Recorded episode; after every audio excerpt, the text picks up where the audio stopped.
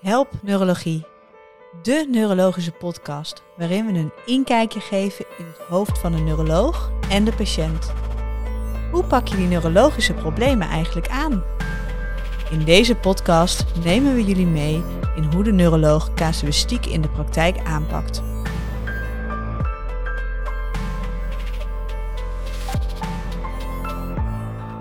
Hallo allemaal, wat leuk dat jullie allemaal weer luisteren. We zitten hier weer bij elkaar voor een nieuwe aflevering van onze podcast. En vandaag hebben we een gast, Vrouwke Nijhuis, neuroloog in het Canisius Wilhelmina ziekenhuis, eh, ook klinisch neurofysioloog al daar. Welkom Vrouwke, leuk Dankjewel. dat je er bent. Leuk dat ik er mag zijn. En eh, onze bekende Arnoud eh, Capelle, neuroloog hier uit het Radboud ziekenhuis, zit ook naast me. We zijn er weer. Goed, Vrouwke, leuk dat je er bent. Wij wilden het vandaag eh, hebben met jou eh, over een patiënt die komt op de poli met loopproblemen. Eh, ik ga beginnen met een casus. Het is een man van 78 jaar oud en hij vertelt dat hij al wat langer problemen heeft met lopen. Hij struikelt vaker, zijn voeten lijken wat doof. Ehm, ja, hij weet eigenlijk niet zo heel goed hoe het komt. Hij is bij de huisarts geweest. Die zegt, nou ga maar eens naar de neuroloog. Laten we eens even zo heel breed beginnen. De patiënt komt bij jou op de poli.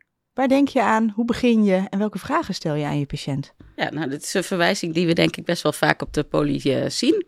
Ehm, en waarbij voor mij vooral heel belangrijk is wat de patiënt nou precies bedoelt met loopproblemen. Ehm, met name omdat dat heel veel verschillende oorzaken. Dus we denken dan meteen al eh, verder van waar zou dat door kunnen komen. Maar dan is eerst denk ik heel belangrijk te weten wat hij, of eh, in dit geval hij, bedoelt met wat zijn de problemen bij het lopen. Hoe vraag Dus- je dat dan uit? Uh, nou, ik vraag heel gericht om eerst eens zelf te omschrijven wat er gebeurt uh, bij het lopen. Uh, dat helpt niet altijd. Vaak blijft het een beetje vaag van ik loop moeilijker of ik struikel vaker. Um, en dan vraag ik heel gericht, ontstaat er pijn bij het lopen? Zak je door de benen? Is er krachtsverlies? Komt het door een verminderd gevoel in de benen? Um, heb je het idee dat je zwalkt, dus dat er balansproblemen bij zitten? Um, en op die manier probeer ik het wat duidelijker richting te krijgen uh, op welk vlak het probleem zit. Um, en in dit geval is dat dus met name dat er gevoelstoornissen zijn, um, waardoor het lopen lastiger is. Maakt het nog uit wanneer dat ontstaat? Of een patiënt eerst een stukje kan lopen zonder klachten en dat het daarna ontstaat, of dat het meteen ontstaat? Of maakt dat niet uit voor jou? Uh, voor mij wel, inderdaad. Uh, en nou ja, ontstaat het na een beloop van tijd, dan denk ik bijvoorbeeld aan een kanaalstenose. Um, waarbij door het nauwere kanaal er pro problemen ontstaan. Uh, terwijl als het bijvoorbeeld uh, door doofheid in de voeten uh, bij bijvoorbeeld de polyneuropathie, dan verwacht ik dat dat wel direct ontstaat. Waarbij het dan wel belangrijk is om te vragen, zijn er momenten waarbij je er meer last van hebt? dus ik vraag ook bijvoorbeeld, merk je nou dat als je s'nachts naar de wc moet, dat je dan ineens meer problemen ervaart? Um, en dat komt dan met name omdat je dan verwacht dat de visus wat minder kan bijdragen of kan compenseren. Uh, waardoor je ziet van, hé, hey, dit is inderdaad een probleem van de sensibiliteit. Ervan uitgaande dat ze in het donker naar de wc lopen en de lamp niet Dat aan. klopt, maar er zijn... Oudere er man, is hè? altijd Oudere wel, man. hè, uh, in deze tijd heb je toch vaak wel de schemer uh, die ervoor zorgt dat je uh, dat zou kunnen testen, ja. Dus je uh, vraagt het lopen goed uit van wat gaat er nou eigenlijk mis? Zijn er nog andere dingen die je belangrijk vindt om te weten? Uh, ja, nou, ik vraag dus uh, ook heel gericht alle domeinen uit. Dus hè, de, de doofheid in de voeten, wat, wat wordt daarmee bedoeld? Zit dat alleen in de voeten? Zit het ook in de handen of loopt het hogerop? Um, en hoe ervaren ze dat dan? Want vaak beschrijven ze het niet als doofheid, maar het voelt anders. Of uh, een strak gevoel, hè, uh, gevoel van strakke sokken om de voeten. Uh, het kan ook zijn dat ze zeggen het, het voelt kouder. Um, dus dat, dat wisselt. Dus dat is goed om echt expliciet uit te vragen. Daarnaast vraag ik altijd of er toch ook krachtsverlies is. Dus dat ze merken dat ze bijvoorbeeld de voet wat minder goed kunnen heffen. Of wellicht alleen maar zo subtiel als de tenen omhoog kunnen bewegen. Um, en daarnaast is het denk ik ook belangrijk om ook uit te vragen naar autonome stoornissen. Um, mag, mag ik nog even ingrijpen? Want je hebt het de hele tijd over, over voeten. Ja. Dus dan denk ik, zijn er twee. Ja, dat is... Uh, die als er een enorme asymmetrie is, helpt je, dat erg, helpt je dat nog? Of juist als het heel erg symmetrisch is? Ja, uh, dat klopt. Ik ging inderdaad meteen uit van dat het symmetrisch aanwezig is. Dus dat is een hele goede om te checken.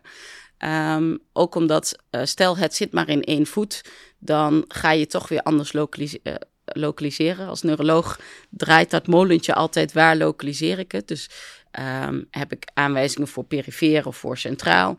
Uh, heb ik dan vervolgens aanwijzingen als ik stel ik zou het perifeer duiden. Um, zit het dan uh, het dermatomaal? Ik moet ik aan een radiculopathie denken als het in maar één uh, voet zit. Um, dus zo, dat maakt inderdaad uit. Uh, en asymmetrisch zou ook nog kunnen zijn dat het wel aan beide zijden zit, maar dat de ernst heel erg wisselt. En dat zou dan weer een alarmsymptoom kunnen zijn bij een polyneuropathie bijvoorbeeld. Um, dus dat is inderdaad een goede vraag om verder te differentiëren of het um, ja, aan één of beide zijden zit. Dus je richt je heel erg op dat patroon van de klachten. Aan welke kant zit het? Zit het symmetrisch uh, hè, aan beide kanten? Maar ook hoe breidt het zich uit? Hoe verloopt het? Zit het met name aan de uiteinden van de voeten, dus distaal? Zit het ook aan de handen? Ja. Dus dat patroon, daar uh, ja, neem je ja. echt de tijd voor om dat duidelijk te ja. krijgen. En is het alleen sensibel? Is het sensibel motor? Is het puur motor? Dus uh, daarin maak ik dan ook nog onderscheid. Um, en wat jij al zei, hè, zit het distaal uh, meer dan proximaal of alleen maar distaal? Dus, dat, dus meer aan de tenen en minder aan de kant van de naar bovenbenen, zeg maar. Precies, ja. Dat geldt dus ook voor de motoriek, dat dat ook distaal zit vooral. Ja, ook dat neem En dat ik, uh, mensen dus dan struikelen, denk ik? Uh, dat is een van de meest gehoorde uh, klachten. motor wordt niet altijd door patiënten zelf goed opgemerkt, omdat ze dan denken het zal wel zijn omdat ik het niet goed voel. dus dat is denk ik ook iets wat bij het neurologisch onderzoek extra aandacht behoeft om dat goed te testen. Um, maar stel, zij komen met al heel forse uh, klachten van krachtsverlies of van ja, minder uh, kracht in de benen, dan zou ik daar ook wel extra aandacht aan besteden, omdat het voor mij dan ook wel een soort alarmfunctie heeft van hé, hey, wat gek dat dat op de voorgrond staat. En je zei dat je ook naar autonome klachten vraagt. Wat zijn dat eigenlijk, autonome klachten? Ja, dat is een hele goede vraag. Dat, daarmee test je eigenlijk het autonome, of vraag je uit het autonome zenuwstelsel. En uh, ja, je kunt zeker niet aan een patiënt vragen, wat zijn, hè, heeft u last van autonome stoornissen? Dus die vraag je heel expliciet uit. Um, nou, in deze casus bij polyneuropathie uh, vraag ik vooral uh, naar plasklachten, incontinentieklachten, Um, maar ook uh, of er bijvoorbeeld uh, overmatig diarree is of uh, juist heel erg obstipatie. maar je vraagt ook naar seksuele stoornissen, dus of er erectiestoornissen zijn. Dat is ook eentje die je expliciet moet uitvragen, want dat is iets wat mensen moeilijk vinden om zelf aan te kaarten. Zullen mensen zelf ook niet snel linken aan de klachten van de voeten misschien? Dat ook. En dat, ja, het blijft ook een moeilijk onderwerp om bij een dokter die je voor het eerst ziet, om dat zomaar even te bespreken. Um, orthostase, dus uh, vragen of mensen snel duizelig worden bij het opstaan. Um, uh, klachten van, hè, soms hebben mensen last van huidveranderingen, paarse, blauwe verkleuringen. Um, droge huid, droge ogen, droge mond. Uh, dat is met name omdat dan in je hoofd nog weer verschillende oorzaken van polyneuropathie kunnen meespelen. Um, dus die vraag ik allemaal uit ben er vast nog één vergeten. Maar... Misschien de, de maagontledigingsstoornissen, omdat ja. dat bij diabetespatiënten vooral moe ja. moeite geeft uh, met het instellen. En hoe vraag je dat dan, Arnoud? Nou, die mensen hebben vaak een heel snel een vol gevoel. Uh, kunnen daardoor weinig eten. En het grote probleem is dat uh, ze dan te vroeg insuline spuiten. Omdat, en dan zit het voedsel nog in de maag en daar werkt de insuline niet. En pas als de maagontlediging dan eindelijk op gang komt, maar dan is, dan is al de insuline al weg. Dus ze krijgen enorme uh, uh, wisselingen in hun uh, suikerspiegel. En dat merken ze. Daar worden ze heel, dat is echt heel vervelend. Dus we hebben een stuk, we zijn heel, heel ver in de anamnese. Hè? We hebben een stuk sensibiliteit gehad, we hebben een stuk motorklachten gehad, een stuk autonome klachten. Zijn we er nu? Of missen we nog wat?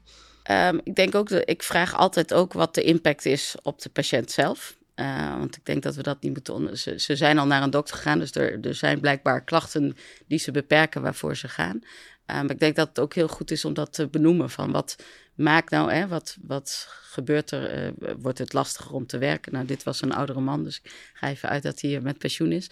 maar beperkt het in zijn dagelijkse activiteiten? Um, sommige mensen hebben bijvoorbeeld ook slaapklachten, omdat um, als de sensibiliteit gestoord is en ze krijgen bijvoorbeeld uh, allodynie, dus dat wat normaal niet pijnlijk is, uh, maar dan een stimulus die ineens wel pijnlijk wordt. Dus bijvoorbeeld de lakens op je uh, benen, dat ze moeilijk in slaap komen, omdat ze dan branderige pijn ervaren. Ehm, nou ja, een slaaptekort leidt altijd. Dan kun je eigenlijk de kleren op je huid niet meer verdragen. Ja. dat? Ja. En dat wordt dus dan ineens een pijnlijke stimulus die bij andere mensen niet als pijnlijk wordt ervaren. Ja. We hebben het nu de hele tijd over, eigenlijk over de voeten. Eh, doen de handen ook mee en kan je daar ook zeg maar minder goed in voelen of onhandig of krachtsverlies krijgen eigenlijk? Kan dat? Ja, um, zeker. Uh, het begint wel bij de, we nemen nu even de meest voorkomende polyneuropathie, die begint wel vaak um, in de voeten en in de loop der tijd gaan de handen meedoen.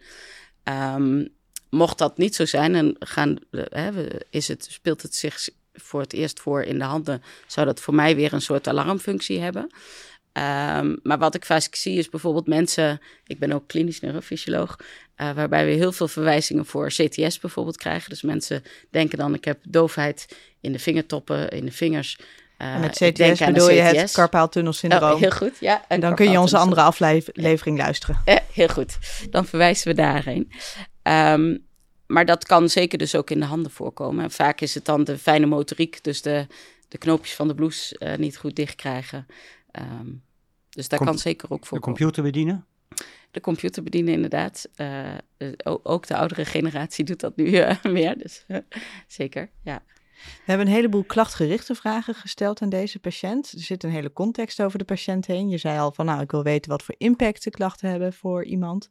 Um, hè, we leren de callcenter vaak ook, begin gewoon met een voorgeschiedenis. Ja, hè, kijk naar dat soort dingen. En in welke, nou, hoe is dat nu relevant? Ja, nou, het uh, belangrijkste wat ik bij deze categorie mensen vraag is of ze um, suikerziekte hebben, omdat het een van de belangrijkste oorzaken uh, kan zijn.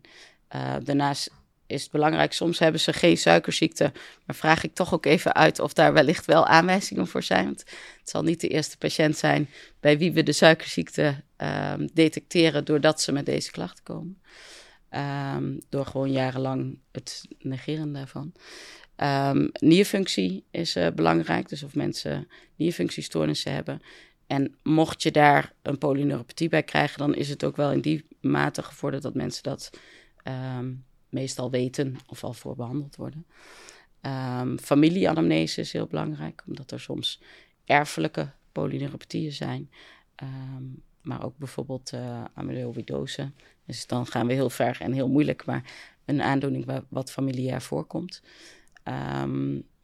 En daarnaast is belangrijk uh, welke medicaties ze bijvoorbeeld gebruiken. Dus er zijn een aantal medicamenten die berucht zijn uh, dat ze polyneuropathie kunnen uh, veroorzaken. Um, dus een aantal um, chemotherapieën bijvoorbeeld, die dat kunnen veroorzaken. Um, nou, en moeten ze die medicijnen dan ook nog gebruiken? Of vraag je ook naar wat ze in het verleden gebruikt hebben? Ja, dat is het vervelende, want sommigen kunnen het veroorzaakt hebben en de klachten wat later verschijnen nadat het al gestopt is. Um, dus dat is denk ik wel belangrijk om te weten. Um, daarnaast is een uh, aantal cardiale medicijnen. Nou, dus ik vraag eigenlijk altijd alle medicijnen, zodat je zelf kan zien, zit er in dat lijstje iets bij uh, wat het zou kunnen veroorzaken. En intoxicaties? Zeker, een hele belangrijke. Um, bij de jongere generatie, mag ik eigenlijk niet zeggen, want tegenwoordig kunnen ook oudere generatie dit doen. Maar bijvoorbeeld lachgasgebruik is uh, een hele bekende in de afgelopen jaren geworden. Uh, omdat het een vitamine B12-deficiëntie uh, veroorzaakt. Um, soms, ik vraag ook naar voedingssupplementen, omdat vitamine B6 um, ook polyneuropathie kan veroorzaken. Um, alcohol, de allerbelangrijkste. dus ook goed uitvragen hoeveel er wordt gebruikt. Um, omdat dat zelf een toxisch effect heeft, maar ook door dat alcoholgebruik vaak leidt tot minder goed voedingsgebruik, uh, ook weer tot vitamine-deficiënties kan leiden, die ook weer tot de polyneuropathie kunnen leiden. En als je nou helemaal niks vindt bij al dit soort dingen, kan je het ook zomaar krijgen? Ja, helaas wel. um, het is wel zo dat dat risico neemt toe met de leeftijd. Um, dus het, De, in Nederland is er onderzoek naar gedaan. Het komt ongeveer 1 tot 3 procent uh, in onze populatie voor. Uh, maar neemt toe uh, met de leeftijd.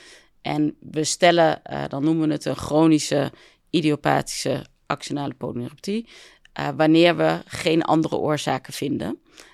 Um, en dat komt toch ruim een kwart van de mensen met de polyneuropathie blijkt dat dat op basis van een chronische idiopathische Vind je dat de huisarts, als, als zo'n patiënt bij hem of haar komt, en een nou ja, 78-jarige man en verder geen enkele andere volgens geen enkele clue, moet hij die wel of niet naar jouw poli sturen? Ja, dat is een hele goede uh, vraag. Uh, zeker nu we steeds uh, kritischer om moeten gaan met de zorgkosten. maar het is wel belangrijk dat we um, één keer onderzoek doen of we niet die oorzaak vinden. Um, de vraag is of we dat bij de huisarts kunnen liggen, want dat is met name bloedonderzoek. Um, we kunnen aanvullend zenuwgeleidingsonderzoek doen. dat is waarmee ik de meeste mensen met polyneuropathie zie. Um, dat is op zich niet nodig als het inderdaad geen alarmsymptomen is, te zien zijn als er een symmetrische, distale, lengteafhankelijke uh, polyneuropathie is. En er geen, of, en de klachten duidelijk passen bij de oorzaak. En die oorzaak is dan dus een lastige. Dus ik denk dat je daarvoor toch een keer naar de neuroloog moet om te zien. Nou, dan ga ik je nog even onder druk zetten. Als die patiënt nou gewoon diabetes heeft bij de huisarts. Ja, dan zou ik het eerlijk gezegd niet nodig vinden. Maar de richtlijn geeft wel aan dat er één keer bloedonderzoek moet plaatsvinden. Maar dat zou de huisarts kunnen doen, wat mij betreft. Dat is wel een persoonlijke mening. We gaan al heel snel door naar het aanvullend onderzoek. Maar je voert, neem ik aan, ook nog een neurologisch onderzoek uit voordat je naar labonderzoek gaat. Ja. Waar let je op? Uh, nou ja, ik denk dat je daarbij ook kijkt, hè, wat er in de anamnese is gezegd, vind ik dat inderdaad terug. Dus de sensibiliteit is een hele belangrijke. En vind ik dan inderdaad sokvormige hypesthesie? Um, vind ik dat de vibratiezin uh, afwezig is aan uh, de enkels, maar niet aan de knieën bijvoorbeeld. Dus dat je daar ook weer een uh, distaal proximaal verschil in ziet. Want dat testen van die sensibiliteit, dat blijkt best nog wel ingewikkeld te zijn. En je kan het op heel veel verschillende manieren aanpakken. Hoe doe jij dat? Je hebt bijvoorbeeld een wattenstaafje. Kun je ons gewoon eens even vertellen, meenemen in hoe jij die sensibiliteit test? Ja, dat is denk ik ook een hele goede um, wanneer je wat test. Want sensibiliteit kun je op verschillende domeinen testen. En dat doe ik echt niet bij elke patiënt, uh, omdat uh, soms komen ze met Um, ja, ik zie vooral uh, Parkinson-patiënten bijvoorbeeld. Uh, daar zal ik de sensibiliteit niet zo testen als iemand die met polyneuropathie komt. Um, maar iemand met polyneuropathie, daar is een hoofdklacht gevoelstoornissen. Dus dan vind ik dat je ze heel goed uh, kritisch moet nakijken. en wat ik dan doe, is begin eigenlijk eerst met toch gewoon tastzin. Dus waarbij ik kijk van, hebben ze aan de benen en armen, waar geven ze de klachten aan? Nou, dan verwacht ik even nu uh, dat hij dat vooral in de benen zal aangeven. Dan ga ik inderdaad met een wattenstaafje kijken, goh, zit daar een gradatie in? Dus ga ik van boven naar beneden uh, en voelt hij dat het dover wordt. Um, vervolgens kijk ik of er een verschil is tussen uh, stom-scherp, of, daar een, ja, of die dat nog goed kan voelen, ja of nee. Um, en um, heel soms, maar dat zal ik niet in dit geval doen, kun je dus ook nog echt kijken of de warm-koude perceptie uh, veranderd is. Uh, daarmee test je dan vooral de vitale sensibiliteit. Um, maar je wil ook graag weten wat de gnostische sensibiliteit, um, uh, hoe dat is. Dus dan zal ik de vibratiesen testen met de stemvork. Um, het is een 78-jarige meneer, dus bij, dat hij bij de grote teen dan afwezig is. Nou, dat accepteer ik nog wel bij de dat leeftijd. Dat mag nog op die leeftijd. Precies. Um, maar naar proximaal toe moet dat dus uh, goed zijn. Um, je kunt ook positie- en bewegingszin uh, testen. Dus bijvoorbeeld de grote teen uh, vastpakken, vragen welke teen ik vast heb. Hè. We weten welke, of, of die dat überhaupt voelt. Maar dan dus ook kijken van voelt de patiënt of je naar boven of naar beneden beweegt. of dat je überhaupt beweegt. Dus dan laat je iemand de ogen dicht doen, je beweegt de teen en dan vraag je wat ben ik aan het doen. Ja, en ik geef de instructie dan uh, uh, als ik beweeg, mag u zeggen dat, dat hij beweegt. Als hij stilstaat, geef me aan dat hij stilstaat. Zodat ze weten dat dat de twee opties zijn. Um, dus daarmee kun je dan uh, nog een onderdeel van je gnostische sensibiliteit testen. Um, nou, dan ga je denk ik verder naar de andere domeinen in neurologisch onderzoek. Ja, dus we uh, testen natuurlijk ook de motoriek. Nou, wat we al zeiden bij de anamnese, keken we heel specifiek um, of er krachtsverlies is. Uh, we verwachten dat dan, als het er is, misschien meer distaal dan proximaal. Um, maar dat test je allemaal. Ehm, en zowel aan de benen als aan de armen. Ehm, en dan zou bij deze patiënt bijvoorbeeld kunnen zijn dat de voetheffers toch iets zwakker zijn ehm, dan de rest. of bijvoorbeeld de extensor halletjes, dus de grote teen uh, strekken. en de voetheffers zie je eigenlijk het mooist als je dat gewoon lopend vraagt of je op de hakken uh, lopen uh, test. vaak iets beter dan echt op het bed getest de voet laten ja, Het zijn best wel sterke spieren, dus kom daar zelf maar eens doorheen dan. Hè? Ja, zeker als dat scheelt ook nog onderling. de ene is sterker dan de ander, maar je eigen kracht overwinnen is eigenlijk de beste test daarvoor. Ja. Dus je laat iemand ook lopen, je kijkt Zeker. hoe het lopen gaat, dan let je ook in het looppatroon op. Ik let erop of iemand gewoon normaal basis loopt, dus dat er geen breed basis gangspoor is. Um, of er wellicht hè, een zwalkend looppatroon is of een voorzichtig looppatroon. Um, daarbij uh, doe ik wel eens, je vroeg net al van niet iedereen gaat s'nachts naar de wc. Uh, dus ik uh, doe ook wel eens het licht uit in de spreekkamer en zeg loop nu eens een stukje. Of nog makkelijker even met de ogen dicht. zorg wel dat je dan goed in de buurt van de patiënt loopt, zodat je geen ongelukken veroorzaakt. Is dat dan die proef van Romberg ook meteen? Uh, nou, de proef van Romberg is eigenlijk dat je stilstaat op de plaats um, en uh, nou ja, je recht gaat staan. Uh, je instrueert de patiënt om de ogen dicht te doen en daarbij kan je zien of iemand instabiel wordt um, en dus niet meer netjes recht stil kan blijven staan. en hier bij het lopen maak je het eigenlijk dus nog iets moeilijker, um, waarbij je kunt zien zit er een balansprobleem in. En hoe komt het eigenlijk dat mensen het moeilijk vinden om uh, goed te blijven lopen als ze hun ogen dicht hebben? Ja, dat heeft te maken dat uh, om te weten hoe je in de ruimte staat, zijn we afhankelijk van onze zintuigen. Uh, en voor dit geval is dus belangrijk het zien, um, je evenwichtsorgaan en je diepe gevoel. Dus het gevoel in je voeten om te weten hoe sta ik in de ruimte. En als we dan dus een van die zintuigen weghalen, namelijk het zien, dan word je nog meer afhankelijk van dat gevoel. En als je dus een stoornis in je gevoel hebt, wordt dat moeilijker als je de ogen sluit. Je kan minder goed compenseren. Precies. De reflexen, hebben die nog een belangrijke rol? Absoluut. Uh, belangrijk bij uh, de verdenking polyneuropathie. Um, daar zien we eigenlijk ook een proximaal distaal verschil, waarbij uh, vaak de APR, dus laag bij je Achillespees, afwezig of zeer verlaagd zijn. Terwijl bijvoorbeeld de KPR, die meer proximaal zit, nog wel goed uh, functioneert. Um, daarnaast test je ze natuurlijk overal. En als die APR nou laag is, is dat per definitie ook afwijkend? Want ik merk dat bij heel veel oudere mensen die sowieso al wel laag is. Ik denk dat het sowieso goed is om heel goed te zien of de patiënt heel goed ontspannen is. Dat is ook al een eerste reden waarom soms je reflexen niet goed opwekbaar zijn bij gespannen mensen. Uh, maar met de leeftijd uh, kan dat inderdaad ook verschillen. Um, dus alleen uh, verlaagde of afwezige APS uh, kun je natuurlijk niet zomaar de diagnose opstellen. Het moet een patroon weer zijn van combinatie van. Uh, Mag ik het anders stellen? Als ze heel makkelijk opwekbaar zijn, dat je, dan bij jou ook weer de alarmlampen aangaan? Ja, ja. Um, en ook dat maakt natuurlijk uit in het beloop van de klachten. Uh, als mensen komen met wat wij dan de uh, meest voorkomende axonale polyneuropathie, dat zijn mensen die al langer klachten. Dat zijn niet mensen die pas een week of twee weken. Um, dus als uh, het ook zo lang heeft geduurd dat je reflexen lager worden, um, dan is dat in die zin meer passend. als dat dus niet zo is, dan is dat een van de alarmfuncties om te denken: hé, hey, dan moet ik toch aan een ander type polyneuropathie denken. Ik wil weer even teruggaan naar de casus. Uh, want deze man die vertelt jou verder dus dat hij een doofgevoel heeft van zijn voeten. Dat trekt op tot halverwege het onderbeen. Hij heeft het gevoel op watten te lopen. Hij heeft wel de indruk dat hij wat zwakker is, maar geeft inderdaad aan dat hij dat moeilijk vindt om uh, goed te beoordelen. Maar in het donker lopen uh, gaat duidelijk slechter dan in het licht. Bij neurologisch onderzoek vind je dan een verminderde distale sensibiliteit.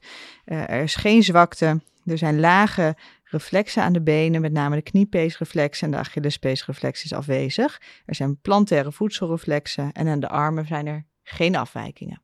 Je stelt de diagnose polyneuropathie. En nou vroeg ik me af, vrouwke, we hebben het de hele tijd over een polyneuropathie, maar wat is dat nou eigenlijk? Ja. Uh, nou, polyneuropathie komt eigenlijk uh, poly uh, van polus in het Grieks veel of meerdere. nou, neurozenuw. en pathie komt van pathos, leed of pijn, maar betekent in dit geval eigenlijk beschadiging of niet functionerend. Dus het ehm, moet eigenlijk per definitie meerdere zenuwen zijn die zijn aangedaan. Ehm, en het gaat dus om een perifere aandoening, vaak symmetrisch. Dus dat was een hele goede vraag aan het begin. Als het asymmetrisch is, uh, denken we aan een andere type. Ehm, waarbij dus uh, meerdere perifere zenuwen zijn aangedaan. En bij de meest voorkomende uh, type is dat met name distaal meer aangedaan dan proximaal. En hoe komt dat, dat het distaal meer aangedaan is dan proximaal? Ja, dat komt omdat uh, het idee is dat dat dus ook de lengteafhankelijke polyneuropathie is. En lengteafhankelijk gaat dan over de zenuw. Dus de langere zenuwen zijn eerder aangedaan. Want dat is éénzelfde zenuw die in dat hele been naar de tenen toe loopt. Uh, nee, dat, dat zijn dus meerdere zenuwen. Uh, misschien naar dit, e, die ene teen wel, als je het zo zegt. Maar um, het gaat erom dat um, de meest lange zenuwen eerst zijn aangedaan. En dat komt, uh, nou, ze weten eigenlijk nog niet helemaal zeker hoe het komt. Maar het idee is dat je axon kan heel lang zijn, tot wel een meter lang, terwijl je cellichaam maar heel erg klein is. Dus dat is duizenden keren zo lang. Um, en is afhankelijk van axonaal transport om je voedingsstoffen en je signalen door te geven. Um, en die zijn het meest gevoelig als, want dat is energieafhankelijk, uh, als dat dus minder goed verloopt. Dus je ziet ook vaak dat bijvoorbeeld uh, de diabetes, um, maar ook mensen met bijvoorbeeld metabol syndroom, hebben een hoger risico. Waarschijnlijk doordat uh, dat energieafhankelijke proces dus gevoeliger is. Nou, hoe langer, hoe meer gevoelig daarvoor. En komt het vaak voor? Uh, heel vaak, of nou heel vaak. Het is uh, een van de meest voorkomende neurologische aandoeningen.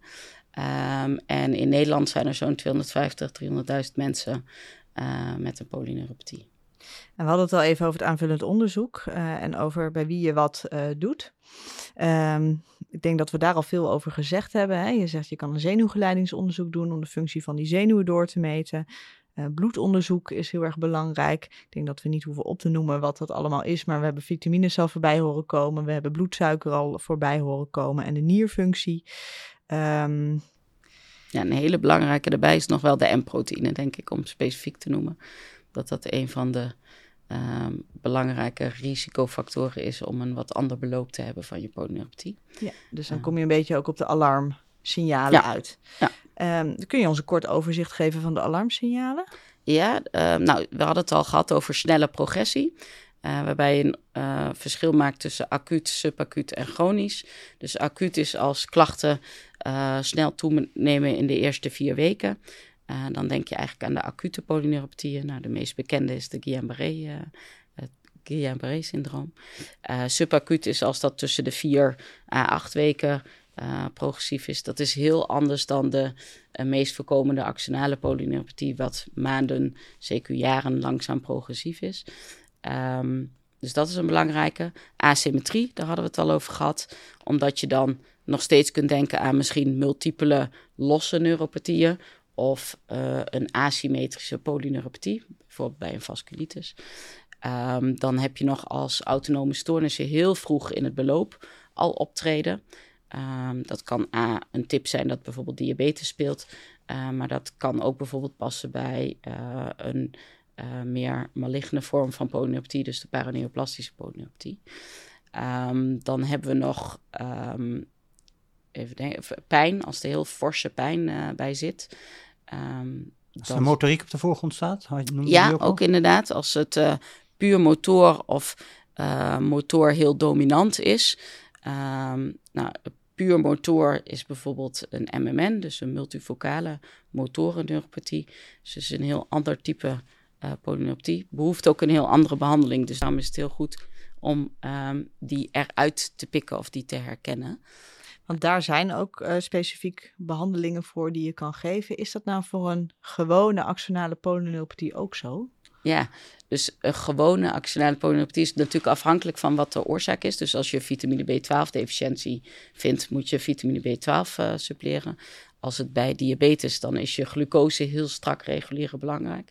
Maar de polyneuropathie zelf behandelen, um, daar is geen medicatie voor. Het is wel zo dat we de symptomen uh, kunnen behandelen. Dus als er veel uh, pijnlijke uh, sensibiliteitsstoornissen zijn, zou je dat met, en dan met name neuropathische pijnstillers kunnen behandelen.